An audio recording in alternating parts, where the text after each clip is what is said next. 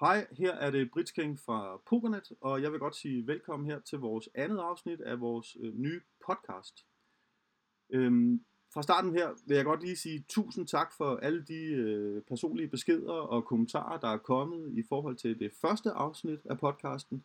Det her er jo en learning by doing proces for mig i høj grad, og øh, jeg vil rigtig gerne høre på al, alle de kommentarer, I har, og og det kan forhåbentlig gøre med til at, være med til at gøre den her podcast endnu bedre i fremtiden, både i forhold til, hvem der skal være gæster, og hvem der skal deltage, men i høj grad også i forhold til generelt indhold, lydkvalitet og så videre, så videre.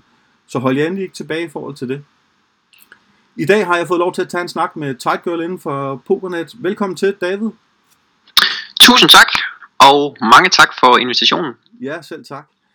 David, du lavede en tråd inde på Pokernet for et par uger siden med titlen Mere end en million gode grunde, eller noget i den stil. Øh, det, det er korrekt, ja. Hvor du lagde en super flot graf op i forhold til, til din betting her i 2018. Men inden vi går lidt mere i dybden med det, kunne du så ikke lige fortælle os lidt om, øh, hvem er du, og hvordan kom du egentlig i gang med det her sportsbetting? Det kan du tro. Øh, jeg er først og fremmest en sportsnørd, en sportsentusiast, ja. hvor at mine primære interesser er, er fodbold, men jeg ser egentlig amerikansk fodbold, boksning, håndbold, jeg ser egentlig stort set alt det sport, som, som jeg nu engang kan komme til. Okay.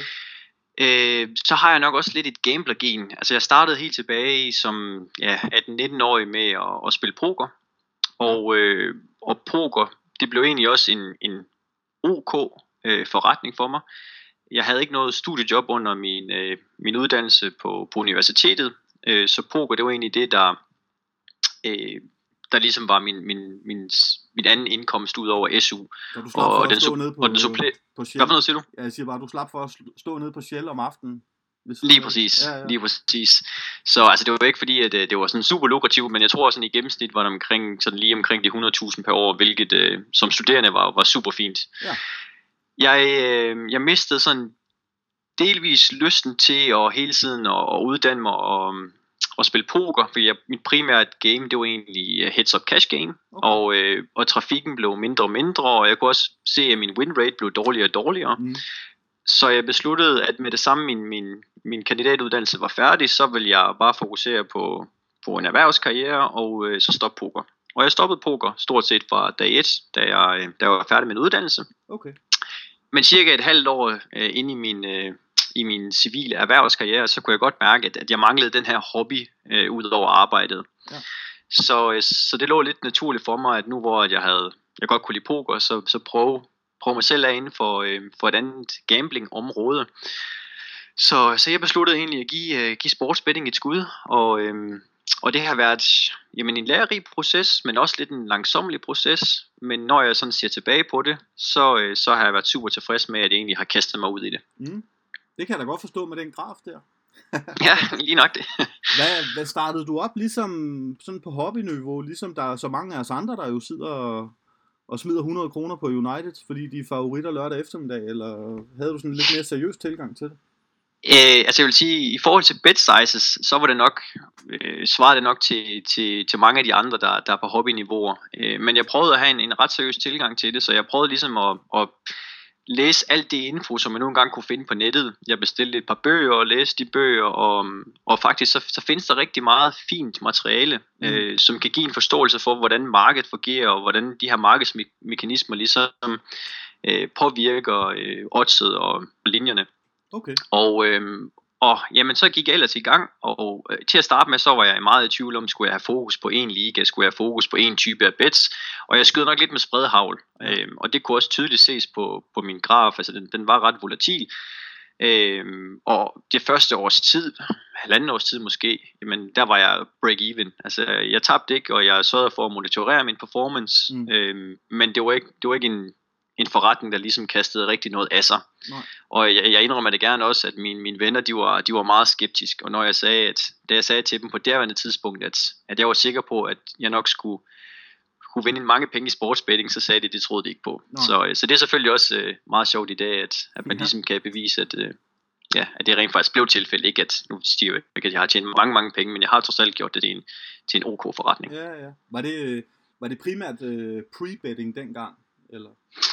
Ja, det var, det var primært pre-betting. Øhm, og jeg ind, og dengang, altså det var pre-betting, men jeg, jeg fulgte også rigtig mange eksperter. Altså jeg, øh, jeg læste forskellige, jeg var aktiv på forskellige fora, øh, både PokerNet, men også øh, ja, Having Betting, som nogen har hørt om osv. Mm. Ikke fordi jeg skal gøre reklame, men, men der var der forskellige eksperter, og mm. på bet eksperter osv. Ja. Og dem prøvede jeg så at følge, og til at starte med, der var jeg nok heller ikke kritisk nok i forhold til, til hvor langt ned oddset var spilbart. Øh, og, og jeg kan egentlig godt se, når jeg sådan kigger tilbage, så, så har jeg ikke været vindende på at følge eksperter, men det er nok også fordi, at man, man i høj grad ikke har været i stand til at fange oddset, øh, som, som de har spillet det til og anbefalet det til. Ja, det synes jeg i virkeligheden tit er et issue, der også kommer op i de daglige, daglige bettingtråde på Pokernet, ikke? Altså at, jo. Øh, at, at, at oddsene de drifter den ene eller den anden vej, som kan gøre, at der, der er noget value, der, der enten ja, i virkeligheden øges, men, men i oftere grad sænkes, ikke? Lige præcis, og, det, og i den forbindelse, så, så tror jeg også, det er, det er vigtigt, at man er meget kritisk omkring øh, eksperter, øh, når man følger dem. At når en ekspert siger, jamen de anbefaler et odds til, lad os sige 1,95, så siger de spilbart ned til, til 1,80. Jamen selv samme ekspert har måske vist at have en historisk return on investment på, på 105%, så ja. det vil sige, hvis, hvis de selv havde fulgt deres odds helt ned til, til hvor det nu var spilbart, jamen så ville de ikke have et overskud. Ja. Så, så det, det tror jeg bare er noget, man skal være rigtig meget opmærksom på. Ja. Og hvad så i dag, David? Der er det jo, der er det jo ikke så meget pre-betting, så vidt jeg kunne læse ud fra din tråd. Der er det, nu er vi gået over til noget live-betting. Ja, nu er det, jeg vil sige, 98% live betting, mm. i, både i forhold til, når du ser på antallet af bets, men også øh, revenue, altså omsætning. Okay. Så, så er det stort set kun live betting. Ja. Og jeg forsøger i, i et eller andet omfang at holde mig for, for pre-game betting, øh, fordi det er et, et marked, som jeg har meget svært ved at slå, og, og som jeg ikke tror, jeg kan slå øh, i længden med et fuldtidsarbejde ved siden af. Det er jo, det er jo ret interessant lige nøjagtigt det her, fordi altså, mit indtryk er, at, øh, at i hvert fald de bets, der bliver lagt op på Pokernet, det er, det, det er i sagens natur øh, pre-bets, de fleste af dem. Og det kan jo sagtens ja. være, at, øh, at volumen hos mange sportsbetter i virkeligheden i højere grad ligger på, på live betting. Det ved jeg ikke. Øhm, men, men er pre-betting ifølge dig i virkeligheden et marked, man kan slå, tror du, hvis, hvis nu man var fuldtidsbetter? Jeg tror godt, du kan slå det, men jeg tror også, det afhænger af, om du øh, har fokus på de meget likvide marker, altså markedet med meget eksponering, det kan være Premier League, La Liga osv. Øh, fordi hvis du, hvis du læser de daglige bettingtråde, jamen der er der rigtig mange øh, spil, som er specialspil, det vil sige spillere, der får kort, spillere, der, der skal score i kampen osv. Ja. Og det er nok spil, som primært spilles hos softbookies. Øh, så hvis, hvis man vil gøre gør betting til en lukrativ forretning, og man vil, man vil slå pregame, øh, hvis man, man vil slå spillet pregame, det tror jeg godt kan lade sig gøre, men jeg tror, det er svært at lave rigtig mange penge på det, hvis man, hvis man fra start har fokus på de her specialspil, fordi der vil din limits bare være ret lave, og mm. du vil, tror jeg, blive ret hurtigt personligt limiteret, hvis det er dit eneste fokus. Ja. Så, så jo, altså selvfølgelig er det muligt at slå, pregame marked. Jeg havde for eksempel også et projekt undervejs, hvor at jeg, vil, jeg besluttede mig for at fokusere på, på dansk division. Ja. Øh, og jeg, jeg lagde mærke til for eksempel, at, at markedslimits på dansk division på daværende tidspunkt pregame, jamen de var lige omkring de her 2.000 kroner. Okay. Og jeg kan huske på daværende tidspunkt, så tænkte jeg, fint, altså de limits, dem rammer jeg alligevel ikke forløbigt, okay. men det skulle så vise sig ikke at, at være helt sandt. ja. øhm, og jeg, jeg kan godt se i dag, at, at hvis, hvis jeg udelukkende fokuseret på, på nichemarkeder, eller på, på meget illikvide markeder, jamen så vil det være utrolig svært for mig at skabe en omsætning, der var højt nok til, at, at mit absolute afkast, hvis vi antager, at, at min return on investment ligger på de der 105-110 procent, så vil det være utrolig svært for mig at skabe en omsætning, der var høj nok til, at mit absolute afkast ville være noget, jeg var, jeg var tilfreds med. Ja. Jamen, det giver da og, god mening. Ja. Øhm, ja, altså... Øh og, og det leder mig selvfølgelig lidt hen på, på det her med, at det er selvfølgelig derfor, du øh, beskæftiger dig primært med live betting i dag. Øhm, hvor, hvor lang tid siden er det, at du ligesom gik, jeg var lige ved at sige all in på det her. Jeg ved godt, at, øh, at du skriver, at du stadigvæk har et fuldtidsarbejde og alt det andet. Men, men hvornår var det, at du ligesom følte, du knækkede den der kurve, og havde du en eller anden aha-oplevelse, eller hvad skete der? Jamen, jeg tror også, noget af det, som er ekstremt vigtigt, hvis man har en seriøs tilgang til sportsbetting, det er konstant at monitorere din egen performance, og sådan ligesom dissekere din, ja, din egen performance. Hvad, hvad er det, du er dygtig til? Hvad er det, du vinder på? Øhm, er det her en, bare en statistisk outlier? Er der, er der nok er der en stor nok sample size til ligesom at underbygge det, som tallene viser. Ja. Og i, i, som sagt i starten, der, der skød jeg meget med spredhavl. Øh, men jeg havde en eller anden en formodning idé om egentlig, at live betting var gået ok. Og så besluttede jeg i, jamen var det april sidste år, hvor jeg havde en, en ret dårlig marts måned, nej undskyld, jeg havde en ret dårlig april måned. Ja. Så besluttede jeg i maj egentlig at bare trække stikket 100%. Og, øh, og så simpelthen øh, analysere min performance i, til bunds og finde ud af, hvad, hvad var det egentlig, som jeg, jeg tager penge på, og hvad var det egentlig, som jeg vandt penge på. Mm. Og der viste sig egentlig, at eksempelvis målscorebet har jeg været ekstremt dårlig til. Øhm, og, øh, og livebet, det viste egentlig, at hmm, det havde egentlig gået ret godt. Og, og de eneste pregame bets, hvor jeg sådan så ud til at være, være rimelig sådan komfortabel vindende indenfor, det var, det var når det galt Real Madrid. Øhm, og det er stort set også det eneste, jeg spiller på pregame i dag, det er, det er Real Madrid-spil. Okay. Øh, og så besluttede jeg egentlig at sige, så, ja, så besluttede jeg, baseret på min analyse, at okay, nu vil jeg primært fokusere på, på live game, øh, og det gjorde jeg så, og så begyndte min, øh, mit afkast simpelthen bare løbende og, og blive bedre og bedre, i takt med, at, at mit fokus det bare var live game. Okay. Også fordi så, så var det lidt nemmere for mig ligesom at sige, okay, nu var live game det er fokus, så er det også der, jeg skal dygtiggøre mig for. Så, så når jeg søgte på artikler, når jeg søgte på, på materiale på nettet, jamen så var det vedrørende live betting, og det var ikke bare betting generelt. Øhm, ja. Så der var sådan en forstærkende effekt, hvis man bare fokuserer på én ting, i hvert fald for mit vedkommende. Ja. Det synes jeg lyder som en, øh, som en fed tilgang, ikke? Altså det her med at prøve at sige, jamen man kan måske ikke øh, være verdensmester i, i alting. Øh, man kan sikkert heller ikke både være verdensmester i No Limit og i PLO, men altså prøve ligesom at finde, finde det område, hvor, hvor man rent faktisk kan blive rigtig god, ikke? Og, Lige præcis. Og, og det, må, det må jo også være, der må også ligge nogle mentale styrker i det. I det altså, det der slår mig, det noget af det du siger nu, det er jo også bare det her med virkelig at være konsekvent i også at tracke sin, sin tab i virkeligheden, ikke? Altså, øh, Enig. Det tror jeg, at der er mange, der måske tænker, okay, altså det, det er virkelig skidt, jeg springer lige den her weekend over, eller hvad det måtte være, det ved jeg ikke. Ja, altså det, det er i hvert fald bare i min verden ekstremt vigtigt, at man, man har fokus på at, at vurdere sin performance løbende, så man, så man ligesom kan få justeret det her, fordi det er også der, jeg synes, at der er noget, der er noget hurtigt afkast at hente. Det er egentlig at få, få skåren, skåren dine kernekompetencer ind til benene, og så ligesom sige, der hvor du ikke er ret god, ret god jamen få det skåret væk, fordi så bør din, din return on investment procentvis i hvert fald og, øh, og, og stige. Ja, ja. Og så synes jeg også, nu vi er inde på det her emne, at så er det også vigtigt igen at have, have nogle strategiske overvejelser omkring, hvad er det, man skal fokusere på. Fordi når jeg så på, hvis, hvis man går ind og kigger på sådan nogle odds sammenlignings hjemmesider, og du ser på, på historisk udvikling på et odds, mm. jamen så kan du se, at, at, at nogle odds, altså nogle øh, markeder, de kan være ret volatile. Og, og når jeg arbejder øh, altså 37 timer plus om ugen, ja. så betyder det også, at jeg sidder ikke klar til at fange øh, de her odds, når markedet det piker. Og, og når man så kommer hjem, og du begynder at lave en analyse, så kan du egentlig, den information, den nyhed, der måske kommer ud i om formiddagen, jamen det har markedet reguleret for om eftermiddagen. Ja. Og det var også derfor, jeg ligesom kom til den konklusion, jamen, hvornår har jeg tid? Jamen, jeg har tid i weekenden, det er der fodbolden blev spillet, og det viser sig jo også, at jeg egentlig til syneladende var, var ok til at livebette, så det er som om, at okay, det, det fungerede egentlig, egentlig rigtig fint, og, og bare fokusere på livebetting så. Så det blev sådan lidt selvforstærkende i virkeligheden. Ja, lige præcis. Ja.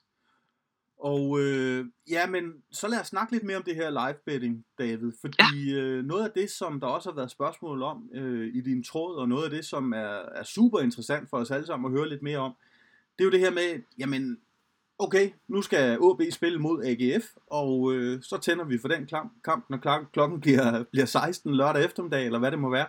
Øh, hvilke, hvilken forberedelser har du gjort? Hvor, hvor er det, du har din fokus sådan op til kampstart? Op til kampstart, så er mit fokus egentlig at, at læse previews, øh, læse udtalelse for, for trænerne, hvem, hvem er med i truppen, hvad ligger, øh, hvordan har markedet bevæget sig op til kampen, mm. hvad er oddset inden kampen, og ligesom finde ud af, øh, hvad, hvad er det for nogle fundamentaler, der har drevet øh, oddset op til kampen. Øh, fordi at, at min, min strategi, det er egentlig lidt at forstå, hvorfor er det, at markedet eksempelvis forventer, at, at eller mener, at OB skal være favoritter, eller hvorfor forventer de, at det er en, en, en meget, meget lige kamp. Ja. Øh, for hvis du har den forståelse, så når du så sidder og ser kampen, jamen hvis så at kampen den afviger i forhold til markedets forventning til kampen, ja. så vil du se, at, at oddsene de regulerer sig, og så er det bare i min verden ekstremt vigtigt, at man ligesom spotter de her tendenser hurtigere end markedet, så du kan nå og, og ligesom fange den, eller capture den værdi, øh, som der er, inden markedet regulerer sig, hvis det giver mening. Jamen, det gør det. Kunne du prøve at komme med sådan et eller andet konkret eksempel? Øh... Øh, ja, det kan jeg godt. Øh, altså et, et sted, hvor for eksempel pre-game eller previews har, har hjulpet mig, øh, det, er, det her det er et meget konkret eksempel, og det er ikke noget, du, du ser ret ofte. Ja. Men det var en venskabskamp mellem Sverige og Wales, øh, hvor at jeg havde læst, at øh, jeg tror det var Erik Hamren, der var træner på et tidspunkt, men han, han udtalte i hvert fald træneren, at Zlatan han ville få 60 minutter, okay. fordi han, var, han ville spare ham lidt i forhold til, til de kommende kampe. Ja. Omvendt havde jeg læst, at uh, Wales træner udtalte, at, at Bale han ville få de sidste 30 minutter. Mm. Så jeg vidste på et eller andet tidspunkt, så vil, så vil Zlatan komme ud fra Sverige, som på derværende tidspunkt havde stor betydning for Sverige, og, mm. og Wales klart bedste og vigtigste spiller, han vil komme på banen i cirka samme tidsperiode. Ja. Så, øh, så den her viden, den havde jeg allerede. Så jeg sad så og, og så kampen, og, og, og Sverige de dominerede og var egentlig klar bedst. Jeg tror også, de førte 2-0 på derværende tidspunkt. Ja. Og, øh, og Wales draw no bits omkring 55-58 minut. Det lå på 2-70-2-75. Okay. Så så jeg så, at øh, på sidelinjen, de begyndte at gå klar til en, øh, til en udskiftning. Og så vidste jeg allerede godt, fordi jeg havde gjort mit forarbejde, at nu var Slatsen på vej ud. Ja. Så jeg skyndte mig så at spille uh, Wales Draw No Bets. Slatsen blev skiftet ud, det rykkede markedet ret meget ned. Et par minutter efter kom, kom Bale på banen, det rykkede markedet endnu mere ned. Så nu havde jeg spillet et odds til cirka 2,70-2,75, men nu var nede i cirka 1,90. Ja. Og så kunne man jo principielt bare vælge at, at hedge dit bet, sådan at du ikke har noget risiko på det. Ja øh, men kun potentiel upside, og det vælger jeg så ikke at gøre. Øh, I øvrigt så endte kampen, jeg mener altså, den sluttede 2-0, så altså, det blev bare voided eller washed mit bet. Ja, øh, ja. Men, men det er et eksempel på, at hvis, hvis du gør dit arbejde, så, så, så kan der være værdi at, at hente, fordi at du har en, en viden, som resten af markedet ikke rigtig regulerer for lige med det samme, men først regulerer efter det er sket. Mm. Og det er jo også sådan, jeg, altså jeg vil lige ved at sige, det var det er næsten, altså det er næsten for godt til at være sandt. Det er ikke lige nøjagtigt med de to spillere og samme tid og sådan noget i den kamp. lige præcis. Ja. Men jeg vil så også sige, at det, og det er også noget af det, jeg kommer ind på øh, i, i tråden, det er, at, at jeg har fokus på, på de samme ligaer hele tiden. Øh, så, så jo, jeg læser previews for lige at finde ud af, okay, er der et eller andet øh, vigtig info eller viden op til kampene, men hvis, hvis du stort set ser de samme hold igen og igen og igen, så gør du der også nogle, øh, nogle observationer omkring, hvad tendenserne er ved de forskellige hold. Ja. Altså hvordan, hvordan reagerer et hold på en marginal føring mod slut? Hvordan reagerer et hold, hvis de kommer bagud eller ved 0-0? Øhm, hvad er motivationen for de forskellige hold? Hvilke, hvad bidrager de forskellige øh, indskiftningsspillere med? Øhm, det, det, det, det er sådan noget, som, som jeg tror, at der er ekstremt vigtigt at, at enten tage mentale eller fysiske noter på, Øh, for det er den viden, som du ligesom skal kapitulere, eller hedder det, drage, øh, skabe kapital på baggrund af. Ja. Øh, altså når jeg ser, øh, når jeg ser Real Madrid eksempelvis, jamen jeg ved godt, når de skifter øh, Casemiro ind, eller de skifter Casemiro ud, hvad det har af betydning for balancen på holdet. Ja. Øh, og, og der tror jeg bare, at det, ja, at det, at det er vigtigt. Øh, eksempelvis også Liverpool, jeg synes, i hvert fald sidste år, der var den klar tendens til på udebanen, at, at når Liverpool først så kom foran, jamen så trak de sig lidt tilbage, stod mere kompakt, men de levede til gengæld så på omstillinger med Mané og Salah og så videre, som er nogle af Premier Leagues hurtigste. Ja. Og, øh, og, og når du sidder og ser sådan nogle kampe, så, så har du allerede en, en jeg har i hvert fald lavet en forventning om, okay, hvis Liverpool kommer foran, hvordan, hvad, hvad er så det sandsynlige scenarie resten af kampen? Ja. Hvis de kommer bagud, hvad er så det sandsynlige scenarie? Og så er det egentlig bare i min verden med at når så at der sker noget, så er du ligesom forberedt på, okay, hvad er de forventning til resten af scenariet i kampen, og så vurdere, det odds, der tilbydes på det scenarie, er det så attraktivt eller ej. Mm. Øhm, det, det er lidt den tilgang, som, som jeg... Så det er sådan en meget kvalitativ tilgang, det er ikke så, så kvantitativt. Nej, det kan man jo sige, men omvendt må det da også betyde, at du bruger sindssygt mange timer på at sidde og se sport. Altså, det lagde du også ud med at fortælle. Altså, for jeg tænker, der er mange hold i, i Premier League, der er mange hold i, i Spanien osv. Har du, har du pikket nogen ud, som, som du ser mere, eller som du nu for eksempel i, som Liverpool sidste år, sidste sæson, eller? Ja, altså jeg vil sige, jeg prøver at se alle Superliga-kampe. Okay. Øhm, og i spansk fodbold, så er jeg faktisk begyndt egentlig stort set kun at se de tre største, altså Barcelona, Real Madrid og, og Atletico Madrid. Okay. Og det hænger så også sammen med, at jeg ikke kan se dem på tv længere, at øh, jeg, jeg, jeg har ikke det der strife, øh, fordi nej, at, at nej. der er simpelthen for stor latenstid. Øh, så, så, de, så hvad hedder det, signalet er måske et minut forsinket, ja. og det, det kan du ikke rigtig bruge til noget, når live better. Nej. Øh, så, og så omkring Premier League kampe, jamen der ser jeg egentlig bare de kampe, der er i tv. Øh, så det er ikke sådan, at jeg har fokus på et specifikt hold, men ofte så har de tendens til at vise nogle af de store hold. Ja. Så, så det vil være typisk de hold, jeg ser. Okay, okay. Hvordan er det så i løbet af en kamp, David? Fordi nu siger du det her med at kunne hedge ud og, og gøre de her ting. Hvordan, øh, hvordan ser din statistik ud i forhold til det? Det jeg mener, det er, øh, lad os antage, at vi sidder her, og der er 10 minutter tilbage af første halvleg, og United fører 1-0, og vi kender Mourinhos tilgang til, til offensiv og defensiv fodbold. Det er bare et tænkt eksempel, ikke? Ja. Øhm, hvordan, altså, hvordan, så, og så sker der, så, så nu, nu går vi ind i det her marked, kan man sige. Altså, hvordan, hvordan ser din statistik ud så, i forhold til at beholde de bets, du laver, kontra og, og købe dig fri af risiko og så videre? Ja, øh, jeg begyndte for nyligt faktisk at, øh, at lave et tag, der hed hedge. Øh, så hver gang, at det var et, et klart hedge af en eksponering, så, så taggede jeg det med et hedge. Ja. Og det viser faktisk, øh, men det er så igen, det er nok ikke en stor, stor nok sample til, at jeg kan konkludere noget, men, men det har i hvert fald vist sig indtil videre, at det har været en dårlig forretning for mig at, at hedge øh, mine bets. Okay. Øhm, men, men nogle gange så er det også lidt i en gråzone for, hvad er et hedge, og hvad er egentlig bare, at nu synes du momentum, det har vendt, så nu er det egentlig, nu, nu du, du spiller på det modsatte, fordi du mener, der er værdi i det, og så accepterer du bare, at, at dit oprindelige bet måske en eller anden form for sunk cost. Mm. Øhm, så det er lidt svært, for, jeg, så jeg går lidt fra det igen, for det er lidt svært at lige nogle gange at skille mellem, hvad der er et rent hedge, og hvad er egentlig bare, at du spiller modsat, fordi du synes, at momentum har vendt fuldstændig, eller der er kommet et rødt kort, eller yeah. et eller andet. Yeah. Yeah.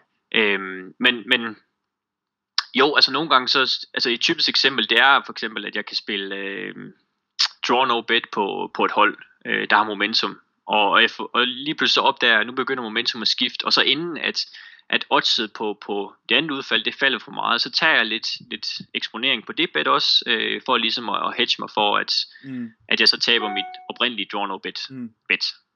Okay. Men primært er det ikke noget, du gør dig så meget i, tænker jeg, eller kan jeg næsten forstå. Altså primært er det, eller lad mig spørge på en anden måde, David, øh, fordi det, jeg kunne næsten også forstå i tråden, at det er jo ikke sådan noget med, at så går du ind med, med et bet på en kamp. Altså, du, du kan ofte have, have mange bets, live bets i løbet af en, af en kamp, ikke? Jo, det kan jeg. Øhm, jamen, jeg kan godt have op imod 15 bets på en kamp, tror jeg. Okay. Øh, et, altså det, det er så også til sjældenhederne, men, men ofte så har jeg mere end et bet på en kamp. Altså jeg sidder og fokuserer rigtig meget på, på de asiatiske linjer og på over- og underlinjerne. Ja. Og det betyder også, at ofte så har jeg fokus på både asiatiske linjer og underlinje i første halvleg, og så også efterfølgende fuldtid. Så allerede der, så, så kan der være flere markeder at spille på. Mm.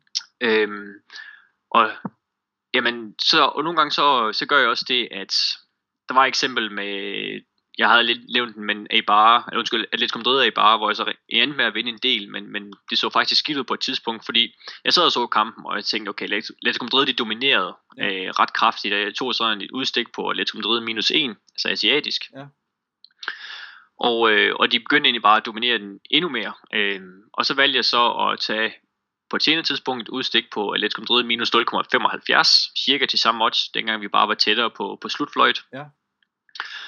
Og, øhm, og så på et senere tidspunkt, hvor de blev ved med, altså de stadigvæk havde det her godt fat om kampen, og de blev ved med at skabe chancer, og man tænkte, okay, det er simpelthen et spørgsmål om tid, så vælger jeg så at tage et yderligere udstik på Atletico Madrid minus 0,5, fordi jeg havde sådan lidt, okay, det bliver nok ikke en to sejr, men, men vinder de bare, jamen, så bliver det første bet, som er minus 1, det bliver et wash, ja. øh, og så vinder jeg på de to andre bets. Ja, ja. Så nogle gange kan jeg godt finde på, hvis, hvis, jeg, hvis jeg ser et kampbillede, og det kampbillede bare bliver forstærket, eller bliver ved med at gøre sig gældende, så, så tager jeg flere og flere sticks i takt med, at, at du ligesom kan få samme odds, bare med en lavere linje. Ja. Okay. Fordi du selvfølgelig nærmer dig slut for, og derved er det mindre sandsynligt, at udfaldet rent faktisk sker. Ja.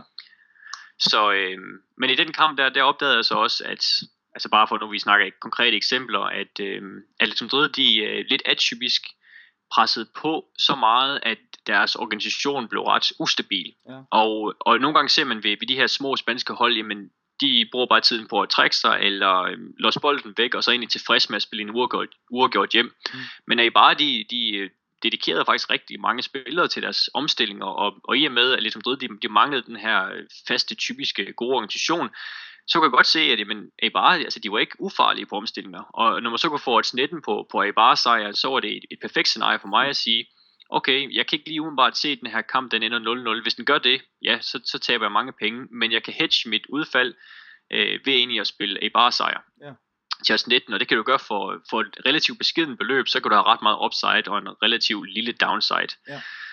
Så jeg spillede så øh, ja, A bare øh, sejr, og de scorede så også i, var det 82 minut eller noget i den stil. Ja. Øhm, og, øhm, og så, kan man, så, så kan man altid gå ind og se, okay, hvad, hvad kan du efterfølgende lukke et bet til? Ja. Øhm, men, men som der er også mange, der nævner, altså man skal aldrig bruge den der cash-out-funktion, der er ved forskellige bookmakers, fordi den juice, du betaler, er alt for høj. Og her eksempelvis, jamen der kunne jeg, altså jeg, jeg mener, at jeg skulle, jeg skulle betale, øh, jeg skulle betale noget, der lignede 24.000 for at lukke det ned i forhold til mit maksimal øh, payout. Okay. Øh, og jeg kunne så gå ind og spille som Madrid minus 0,5 til odds 5 på daværende tidspunkt. Og det var meget mere attraktivt for mig. Altså det, et, et da jeg sådan kiggede på det, så kunne jeg egentlig lukke en ret stor profit ned ved at spille det til odds 5, og jeg kunne, jeg kunne hedge mit bet for, øh, altså min gevinst for, for meget mindre end det, som, ja. som den her bookmaker nu engang krævede for ligesom at lukke bettet for mig. Ja, ja. Og, og det er også ekstremt vigtigt, at man har fokus på det og sige, okay, hvordan hedger jeg mit bet ved egentlig bare at spille i markedet frem for at bruge en cash-out funktion. Ja, øh, for der kan altså være rigtig mange penge at spare, især hvis det er for større beløb, man spiller. Ja, og det kan man ret hurtigt lære, ikke? Altså hvordan jo. de der mekanismer fungerer. Helt sikkert, helt sikkert. Men, men hvordan, så det, øh, det er, er i hvert fald en anbefaling. Ja, er der ikke også mange af de her, øh, lidt ligesom øh, spillebørsen på Betfair, der har funktioner, som gør det for dig i virkeligheden, uden at tage den store øh, cut? Jo, jo. Altså hvis du, hvis du spiller på børsen, øh, altså nu det, min volumen på børsen er så ikke så stor, øh, men hvis du spiller på børsen, så, øh, så, så kan de godt, øh, så kan du, er der en indbygget funktionalitet, som, øh, som kan hjælpe dig. Ja. Øh, ja. Men jeg vil sige, ved, hvis, hvis større selskaber som, som, som de asiatiske bookmakers osv., der er der ikke den her funktionalitet, i hvert fald ikke lige jeg er bevidst omkring. Nej. Men, men der er det relativt nemt for dig, hvis du bare har lidt matematisk flere, og så regne ud, hvad skal jeg betale for at gå i 0, så du ikke har noget nedside? Hvad skal jeg betale for at tage halvdelen af opsiden? Og hvad skal jeg betale for at, og ligesom at lukke en eller anden gevinst hjem, som, som uanset hvordan udfaldet bliver, så har du den samme gevinst. Ja, ja. Så det, det synes jeg, at man, det skal man hele tiden være opmærksom på, hvis man sidder sådan er aktivt og live better. Ja. Og, og så har du skrevet lidt om i din tråd også, David, at øh, altså dengang du ligesom startede ud med det her, der havde du en eller anden bankroad, øh, hvor, ja. det, hvor du sådan, hvad skal jeg, jeg synes, jeg kan huske, du skrev noget om, det var cirka per bet, det var cirka 5% af din bankroll, og du var helt bevidst om, at det var sådan ret aggressivt øh, management, af, management af den øh, hvor du i dag er ligger på omkring 0,5 til 1% øh, per bet, ikke? Jo. Øh, betyder det også, at, at hvis du har 10 bets på samme kamp, så er du i virkeligheden inden for, for noget, der minder om 10% af din bankroll per, per fodboldkamp, eller, eller bliver det aldrig så højt, fordi du netop spiller, hvad skal jeg sige, i takt med, at kampen udvikler sig på begge sider? Ja, altså det er, øh, altså jeg har aldrig haft her for nylig i hvert fald 10% af min bankroll ude på, på én kamp. For det første fordi, at det er sjældent, at altså, det er sjældent den eksponering, jeg tager, øh, er direkte linket op til en tidligere eksponering i kampen. Altså som jeg snakker om Atletico Madrid-kampen, jo, der kan jeg godt få på at stikke yderligere til Atletico Madrid, i takt med, at kampen ligesom skrider frem. Øh, men i andre tilfælde, der kan det godt være, at jeg også, også spiller på noget under øh, ja. antal, x antal mål, sådan at at uanset hvordan kampen forløber, så kan du ikke tabe på alle dine bets. Øhm, og når jeg også snakker om, at jeg har mange bets ude på en kamp, så er det også ofte, hvor jeg hedger min eksisterende eksponering. Så, så, så din nedside, altså du kan godt have et, et udfald, du siger, okay, hvis den ender præcis 2-1, så, så er det virkelig skidt, men, men ofte så vil du få en eller anden lille gevinst. Det er sjældent, jeg har, altså rigtig mange bets ud på en kamp, hvor at der er et specifikt resultat, der gør, at jeg taber på alle bets, Ja. for eksempel. Okay. Øhm, at, og, og, og, og, hvordan er det med, hvordan har du det, det her med units og flatbedding, og hvad er dine tanker omkring det? Nu kører du på en eller anden måde med nogle procentvise øh, udstik af din samlede bankroll. Øh, Ja, altså, øh, jeg benytter mig ikke af, af, af, af units øh, som sådan. Øh, og når, det, når jeg siger det, så passer det ikke helt, men det er ikke sådan, at jeg har en eller anden grov skalering eller kategorisering af units, så at sige, at, at en unit det er 0,5%, og to unit det er 1% osv. Nej. Når jeg sidder og better, så er der ingen tvivl om, at jeg differentierer mine bet sizes i forhold til den værdi, jeg nu engang vurderer, der er i kampen. mm, Men, men når du snakker om for eksempel, øh, hvad hedder det, Kelly Criterion og så videre, de modeller, der ligesom dikterer, hvor meget du skal bet, Ja. øh, baseret på det bet value, du ligesom ser i kampen. Ja. Altså, der er jeg øh, måske lidt mere gammeldags, fordi jeg kan ikke, når jeg ser et odds, vurdere, om bet value er 107% eller 105,5%. nej, Jeg kan vurdere, om bet value er stor i min verden, eller den er marginal. Og, og derudover, så kan jeg også godt se, om oddset det er højt, eller det er lavt. Altså hvis, hvis jeg ser et eller andet udfald, som jeg ser, som jeg ser værende meget sandsynligt, og det ligger, lad os sige, 1,7, jamen så better jeg et forholdsvis stort beløb. Men hvis jeg ser noget, som ser et udfald til odds 6, hvor jeg også ser en, en OK høj bet value, men det er trods alt til odds 6, så jeg ved godt, at i største del af tilfældene vil det her odds ikke gå hjem. Jamen så spiller jeg selvfølgelig ikke et stort beløb. nej, Øh, nej. Så, så jeg sidder hele tiden og, og differentierer mine bet sizes afhængig af odds og hvilken værdi jeg finder, men det er meget flydende, så det kan være at nogle gange jeg better sådan noget, lad os sige, så better jeg 6.500 på et udfald, og så better jeg 12.500 på et andet udfald, og 10.000 på et tredje udfald. Altså okay. det, det kan være meget forskelligt. Ja, øhm, Men det er jo også noget af det, som, som jeg synes var aller, aller mest interessant ved at læse, øh, læse din tråd. Det var det her med den udvikling, der har været, fordi som jeg kunne forstå det, så har du jo aldrig lige hævet øh, penge ud fra din betting bankroll og købt en ny bil, eller du har hele tiden brugt, øh, brugt din rulle til ligesom at, at skulle maksimere din indtjening i kroner og øre, netop ved at kunne, kunne øge dine stakes, ikke? Jo, lige præcis. Da jeg spillede poker, der, øh, der var jeg meget afhængig af, øh, altså da jeg var på SU, der var jeg meget afhæ- afhængig af, at der kom en gevinst hver måned, simpelthen for at kunne opretholde, altså det var ikke nogen vild livsstil, men, men alligevel med lejlighed og bil og så videre, så krævede det, at du havde en indtægt, der var større end SU. Ja. Og, øh, og jeg kunne også godt mærke, at det var noget, når jeg så havde en dårlig periode, så påvirkede det i høj grad mit, mit humør. Øhm, altså eksempelvis, så, så smadrede det ind i min computerskærm en dag, hvor at bare alt gik imod mig. Ja. Og det var nok et, et signal til mig selv om, okay, øhm, er, det, altså er poker så fedt, at du er villig til at, at ligesom udsætte dig selv for de her humørsvingninger? Ja. Og det var også noget af det, der gjorde, at jeg egentlig ikke havde lyst til at spille poker mere. Okay. Så da jeg startede med betting, så havde jeg ligesom den erfaring fra poker, at, at, at winning, altså wins og, og losses, det, det, kunne, øh, det, det kan potentielt påvirke mit humør. Så jeg besluttede lidt at, øh, at simpelthen oprette en ny øh, konto hos min, øh, hos min bank, Mm. og, så, og så afsætte beløb, som sagde, at det er kapital, som jeg er villig til at tabe. Men det er også ens betydende med, at al kapital, som jeg vinder, det skal gå i samme pulje, og jeg må ikke ændre mit, mit, min private øh, forbrugeradfærd, Mm. så jeg ligesom løbende begynder at få behov øh, for de her gevinster for, for betting. Øh, for det første, fordi så er der det, jamen der er det mentale omkring, at, at jeg, kan, jeg kan mærke nu, at gevinster og tab, det påvirker ikke mit humør ret meget kontra før, fordi jeg ved, at jeg har, min løn er stor nok til at kunne betale alle de faste udgifter, og, og til at der, der er plads til byture, og Ja. ja, biografture og så videre. Ja, ja. Øh, men for det andet så også, som du selv snakker om, at simpelthen maksimere dine gevinster. Altså det med, at din bankroll, den vokser organisk, og, og du bliver løbende komfortabel med, med de større og større bet sizes, som du placerer. Øhm, altså der er ingen tvivl om, at, at jeg har relativt store ambitioner omkring øh, at betting, ikke fordi jeg tænker, at det skal blive sådan en uh, multi, multimillionær eller noget som helst, men, men når jeg som øh, i min alder, altså jeg, jeg er stadigvæk relativt ung, men når jeg i min alder bruger så mange timer hver weekend, Ja. kontra at være sammen med venner i byen, kontra at øh, stifte familie osv., Ja. ja. så er det også vigtigt for mig, at der er et, et altså at det simpelthen profitmaksimerer så meget som overhovedet muligt, mens at forudsætningerne for at kunne gøre det er der. Øhm, så så det, det var jeg ligesom bevidst om fra starten, og det er igen også det, jeg tror, altså som jeg lidt nævnte i starten med, at, at man skal altså gøre sådan nogle strategiske overvejelser omkring, hvad betting skal være for dig. Altså hvad er du villig til at lægge i ressourcer, hvor meget skal du vinde, eller hvor meget er du maksimalt villig til at tabe, for at det er det man, altså, det man nogle gange, øh, nogle, de bruger det begreb, der hedder life expected value, altså før det er plus life expected value, ikke? Mm, jo. Det, det synes jeg i hvert fald, det er, nogle, det er noget, der, altså, nogle overvejelser, der er vigtige at gøre sig, inden man sådan for alvor kaster sig ud i betting. Ja, og apropos det, apropos det du siger, det her med og smadre en computerskærm, øh, fordi at man fik knækket S'erne, eller hvad det måtte være, og, og ligesom føle den der afhængighed af de der øh, kroner og øre.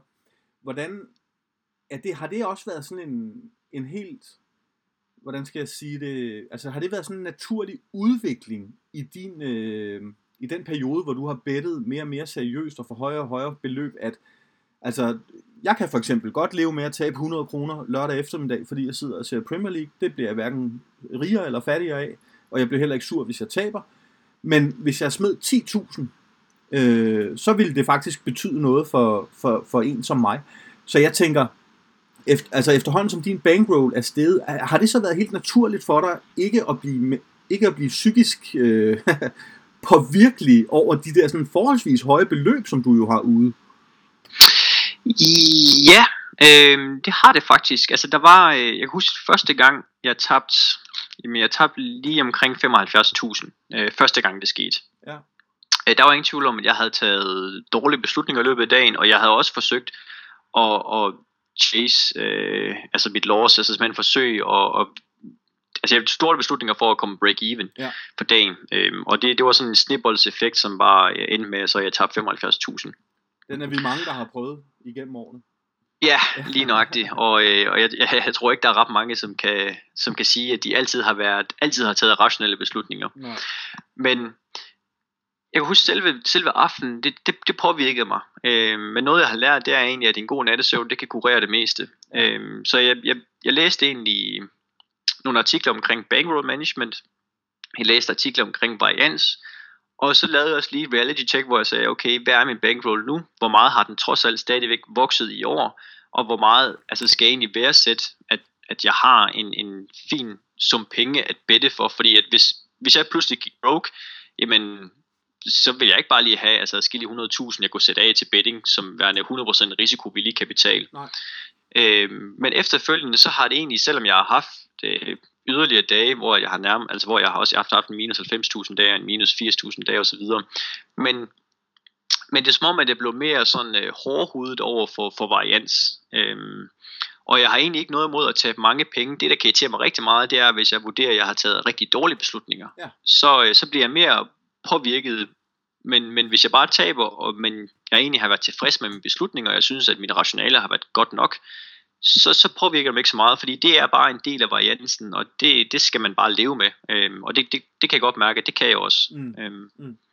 Og det er, jo, det er jo at sidestille med rigtig mange af, af de aspekter, der også er for, for dem, der spiller meget poker, ikke? Altså, Lige præcis. Altså jeg læste, dengang med, med poker, der læste jeg også en bog omkring, hvordan man ligesom optimerede sin, sin tilgang, og hvordan man undgik tilt. Og, og, og, og der var jeg husk, der, øh, der var en eller anden øh, råd om, at man altid skulle se, altså ligesom en hånd, hele tiden er fokus på bare at tage teoretisk korrekte beslutning, og være fuldstændig ligeglad med at kigge på din, din, din session, altså hvordan det var gået, om du ja. var oppe eller nede. Ja. Øhm, og det var egentlig noget, der hjalp mig dengang jeg spillede poker, og det er egentlig lidt den samme approach, jeg forsøger at implementere nu, at have fokus på beslutningen, og så egentlig være ligeglad med, hvordan det er gået. Ja. Øhm, og så længe du egentlig har en, en du, du, du kører en fornuftig bankroll management, så du har en bankroll, der kan absorbere øh, varians, og, og du egentlig forstår, hvad varians er, og du har oplevet varians forskellige gange, jamen, når du så har en rigtig dårlig periode, jamen, så, øh,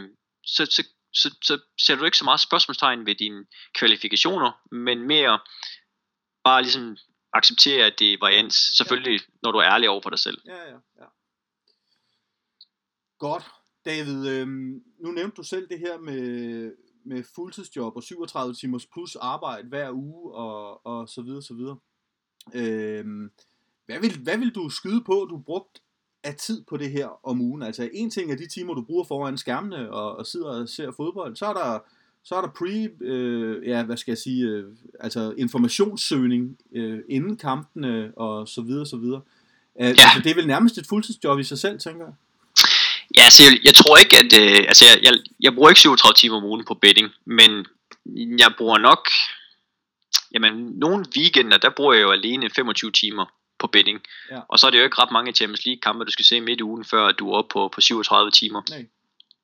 Men øh, selve informationssøgning, altså hver dag så læser jeg jo fodboldnyheder, jeg, jeg har nogle bestemte øh, øh, nyhedskilder på, på Twitter, som jeg følger og hele tiden holder mig opdateret omkring. Ja. Og jeg vil sige, det er noget, som jeg vil gøre, uanset om jeg er bettet eller ej, simpelthen bare fordi jeg er interesseret i, i, i fodbold og i, i sport generelt. Ja. Øhm, så, øh, så, som jeg ser det, så er det egentlig, okay, hvor meget, altså jeg vil også stadigvæk se Real Madrid, hvis jeg ikke er bettet og så videre, så jeg vil stadigvæk bruge noget, noget tid ved skærmen til fodbold, selvom jeg ikke er bettet. Ja. Øhm, men, men i gennemsnit, så bruger jeg nok et sted mellem 10 og 30-35 timer om ugen, øh, ja. hvor at jeg tror, at ofte så ligger nok omkring de der 20 timer om ugen. Det vil være mit bedste bud i hvert fald. Ja, og der, der tror jeg også, at man skal huske på det her med, det kender jeg i hvert fald selv til, i forhold til, til nogle andre ting, jeg laver i min fritid, at jamen, det er jo ikke sikkert, at det, altså som du selv siger, man vil jo bruge tid på det alligevel. ja, altså, lige præcis. Så man skal jo ikke gøre det, man skal jo nødvendigvis ikke sidde og, og udregne sin øh, timeløn og, og så videre, så videre, fordi det kan være svært, fordi der er nogle ting, der overlapper hinanden. Ikke?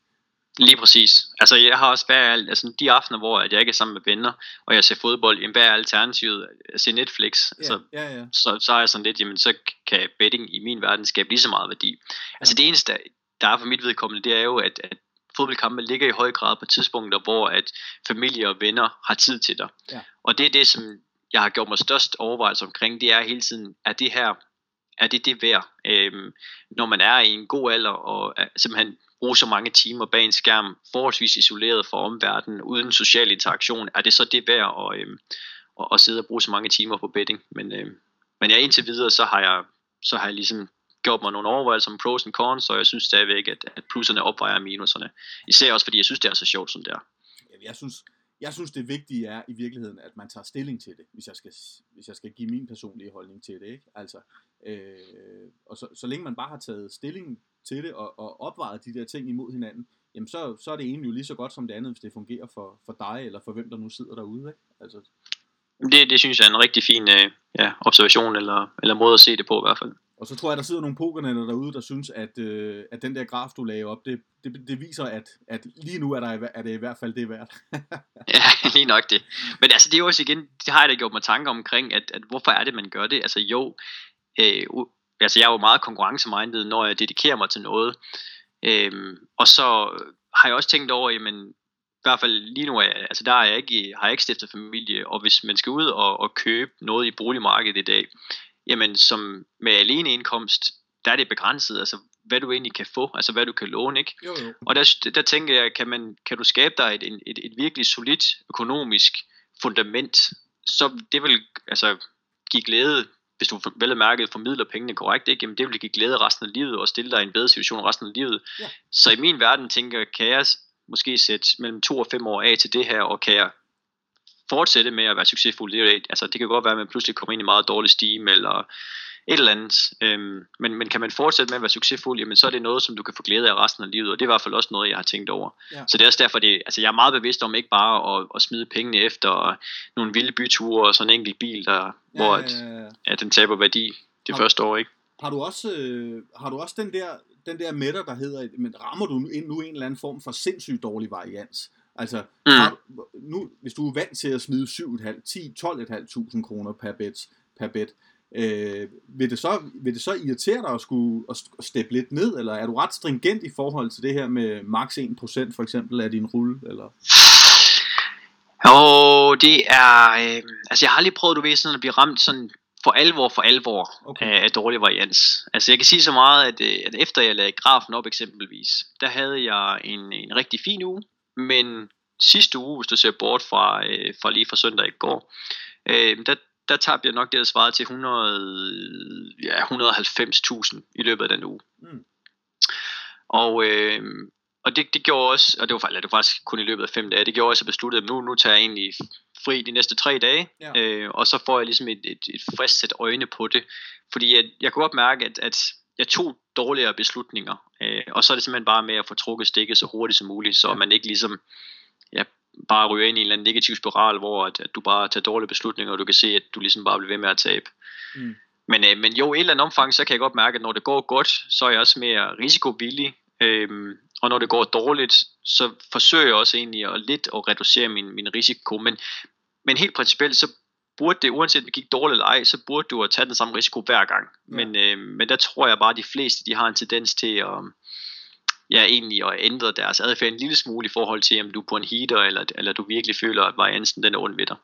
Ja, og så er der jo den der divergens i virkeligheden mellem teori og praksis her, ikke? Altså fordi det kan godt være, at man skal beholde den samme risiko, selvom, man, øh, selvom det ikke lige går så godt i øjeblikket. Men der er jo også noget mavefornemmelse, og der er jo også lidt, øh, hvordan, hvordan, hvordan undgår man i virkeligheden, også helt personligt, at komme ud der, hvor man ikke nødvendigt, altså hele tiden er i den der comfort zone, og, og, og tror på, mm. at man træffer rigtige beslutninger, ikke? Ja, altså du kan, ikke, du kan ikke se det, men jeg sidder og nikker. Ja, okay. Godt, David. Øhm, bare lige et par små ting til at runde af med her. Hvis nu, ja. øh, der sidder jo øh, hundredvis af sportsbetter derude og på Pokernet, som følger med i daglige øh, bettingtråd og så videre. Hvis du skulle komme med dit allerbedste råd til, øh, til, til dem, der sidder derude og tænker, det her live betting, det lyder som om, det er vejen frem. Hvad, hvad skulle det så være? Jamen, jeg tror, at det, det handler om, at man har fokus på, på hele pakken. Så øh, man skal for det første gøre sig de her strategiske overvejelser omkring, fungerer det ind i min hverdag? Altså hvis, hvis du kan sætte flueben ud for, at ja, jeg har tiden til det, og ja, jeg er villig til at, at opgive øh, kvalitetstid med vennerne, eller hvad nu man gang man vil, eller man kan, man, kan ligesom, man kan forsøge at mingelere, man kan, man kan mingelere med det hele, hvis man ligesom kan sætte flueben ud for det, det er den gode start. Derudover så vil jeg sige, øh,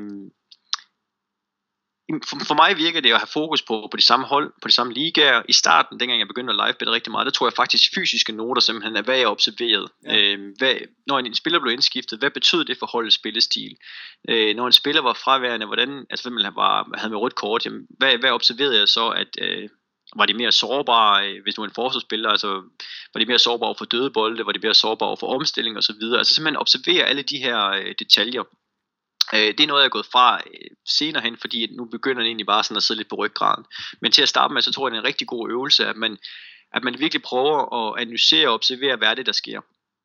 Øh, derudover så tror jeg, det er utroligt vigtigt, at man gør brug af det undervisningsmateriale, som trods alt er til stede mm. på, øh, på internettet. Jeg ved ikke, om jeg må, altså jeg vil ikke reklamere for en anden bookmaker, men, men der findes en asiatisk bookmaker, som, øh, som lægger noget undervisningsmateriale ud, og det synes jeg, man skal gøre, gøre brug af. Ja. Øh, fordi det, det, øh, ja, der synes jeg i hvert fald, jeg har, jeg har lært en, en, en masse interessant, altså eksempel en, en, en fact, som, øh, som jeg synes er meget interessant, det er, at, at der er den her perception, der siger, at jamen, folk har generelt en holdning, at hvis man som store hold har spillet Champions League kampe, ja. så er man, er man mere træt, og der er større sandsynlighed for, øh, for pointtab eller for dårlig performance ja. i den kommende weekend. Og, øh, og jeg læste en artikel, hvor man har set på de største ligaer, og de hold, som havde, havde deltaget i Champions League.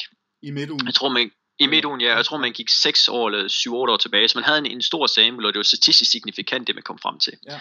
Og det viste faktisk, at øh, historisk set, så har de, har de haft et, et, et gennemsnits, øh, altså det, det gennemsnitlige point, som de har skabt efterfølgende, har været marginal højere, end når de ikke har spillet midtugeskampe. Ja. Og, øh, nu, og det er så måske en viden, som der er mere relevant for, øh, for dem, der sidder og, og laver pregame betting. Øhm, men jeg synes stadigvæk, at, at kunne samle sådan en masse sådan nogle små fede detaljer op, det, øh, det synes jeg bare, det er også vigtigt at få med. Og så bare generelt få forståelse for, hvad er det, der driver markedet. Derudover så vil jeg bare sige, at øh, erfaring er ekstremt vigtig. Altså det var ikke for dag 1, at jeg ligefrem gik ind og, øhm, og var vindende ved live betting. Øhm, så simpelthen øh, sidde og, og observere kampen, observere øh, oddsudviklingen. Øh, se nogle gange, hvordan at, at øh, selvom du nærmer dig slutfløjt, så kan du se, at, at udfaldet på, at hjemmeholdet vinder, det er overhovedet ikke ændret sig. Altså det, det, ligger bare og kører sådan inden for, for, for et par streger hele tiden. Ikke? Mm, mm. Jamen det er jo en indikation på, at okay, der, der ryger virkelig store summer på hjemmeholdssejre, og det er måske ikke nu, at værdien er der, når at, at den, aldrig, altså den overhovedet ikke er steget de sidste kvarter. Nej.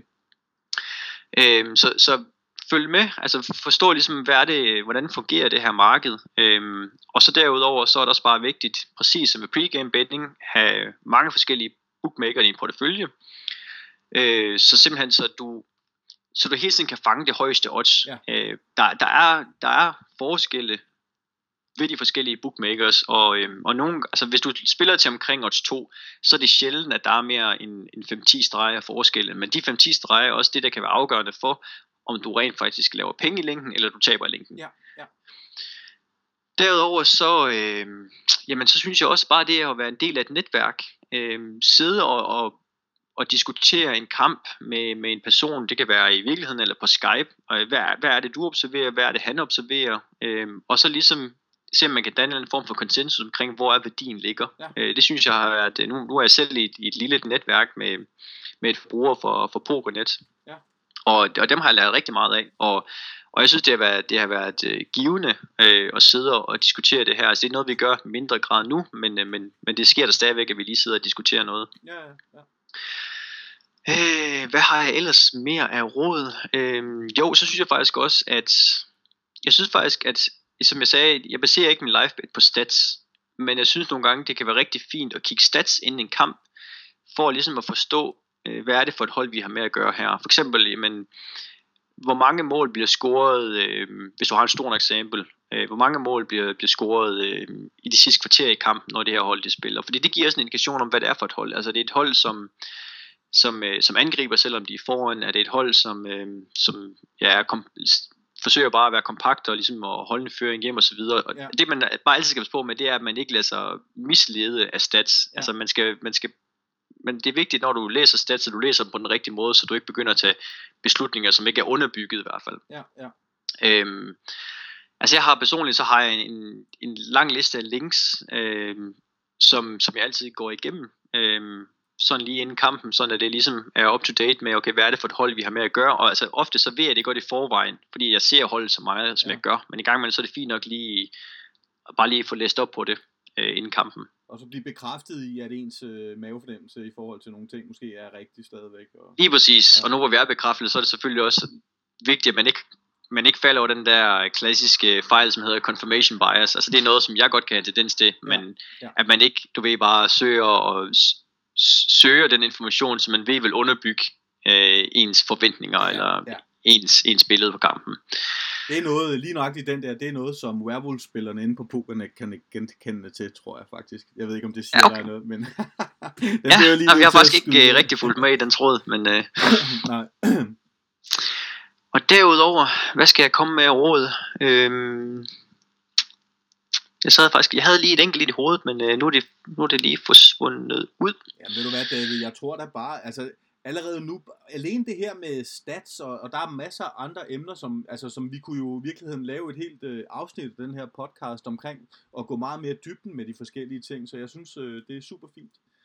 Cool. Øhm, en, jeg, øh, jamen, jeg tror, vi skal til at runde af. Altså, med inspiration fra, fra en anden podcast, så kunne jeg godt have lyst til, at vi lavede en tradition her i Pokernets podcast, at både jeg og den jeg nu lige øh, taler med i det her tilfælde, der er det jo dig, David, at vi, øh, vi giver en eller nogen, eller et scenarie eller noget andet, et, øh, et all-in, og så ja. gør vi det samme og giver øh, noget andet, et folk.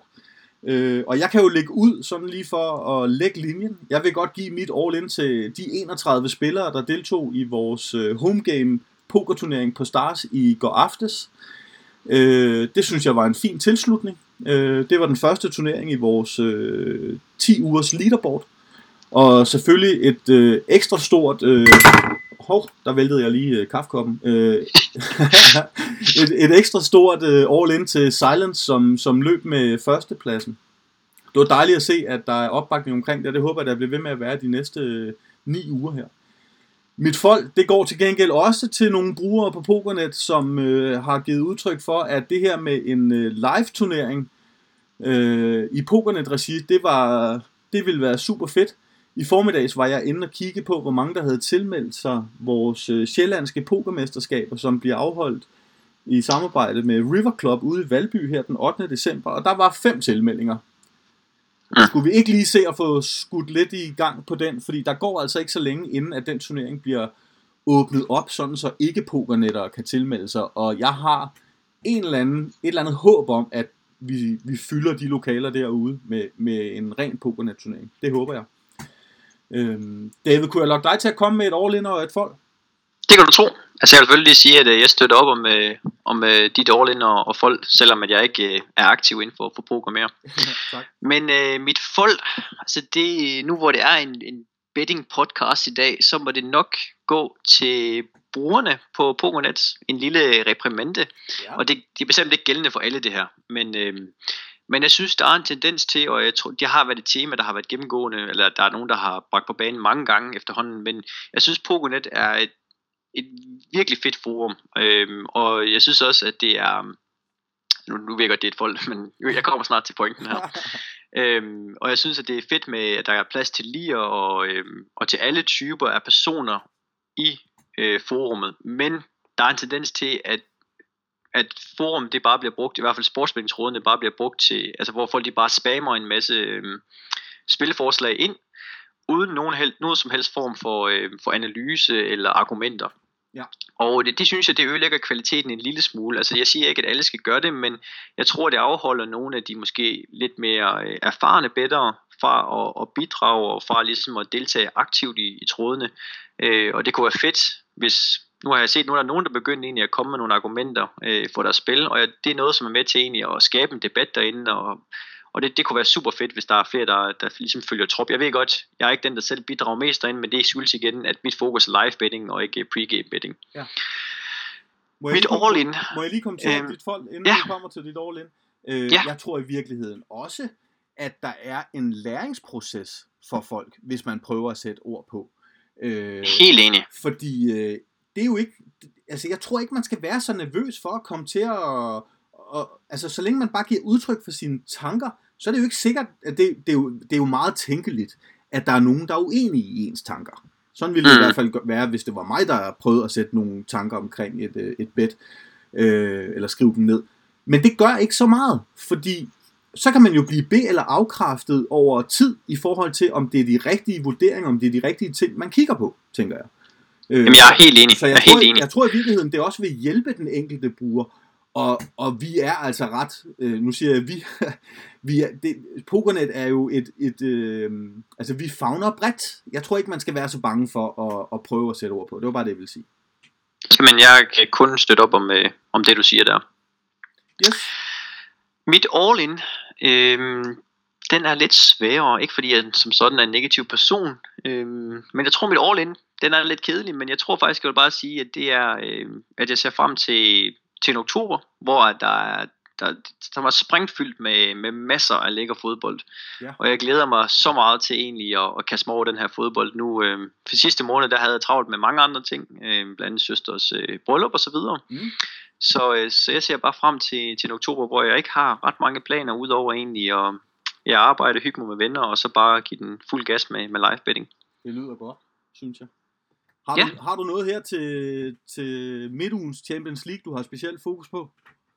Altså jeg, øh, som sagt, det eneste pregame marked, jeg sådan lige fokuserer på, det er jo Real Madrid. Øh, ja. og, og nu faktisk, desværre måtte jeg jo misse øh, El Derby i, øh, i weekenden, fordi det var søsters bryllup. Og, øh, og normalt, når jeg skal til julefrokost eller andet, så, så optager jeg altid Real kampe, så jeg har mulighed for at se dem dagen efter. Så plejer jeg faktisk at slukke min telefon og, og sørge for, at jeg ligesom er, er koblet fra hele verden, indtil jeg har set kampen. Men det er desværre ikke muligt, nu hvor at, øh, at det ikke bliver vist på fjernsyn længere. Så det var den første kamp, jeg sådan missede i, en, jeg tror det er 4-5 år. Okay.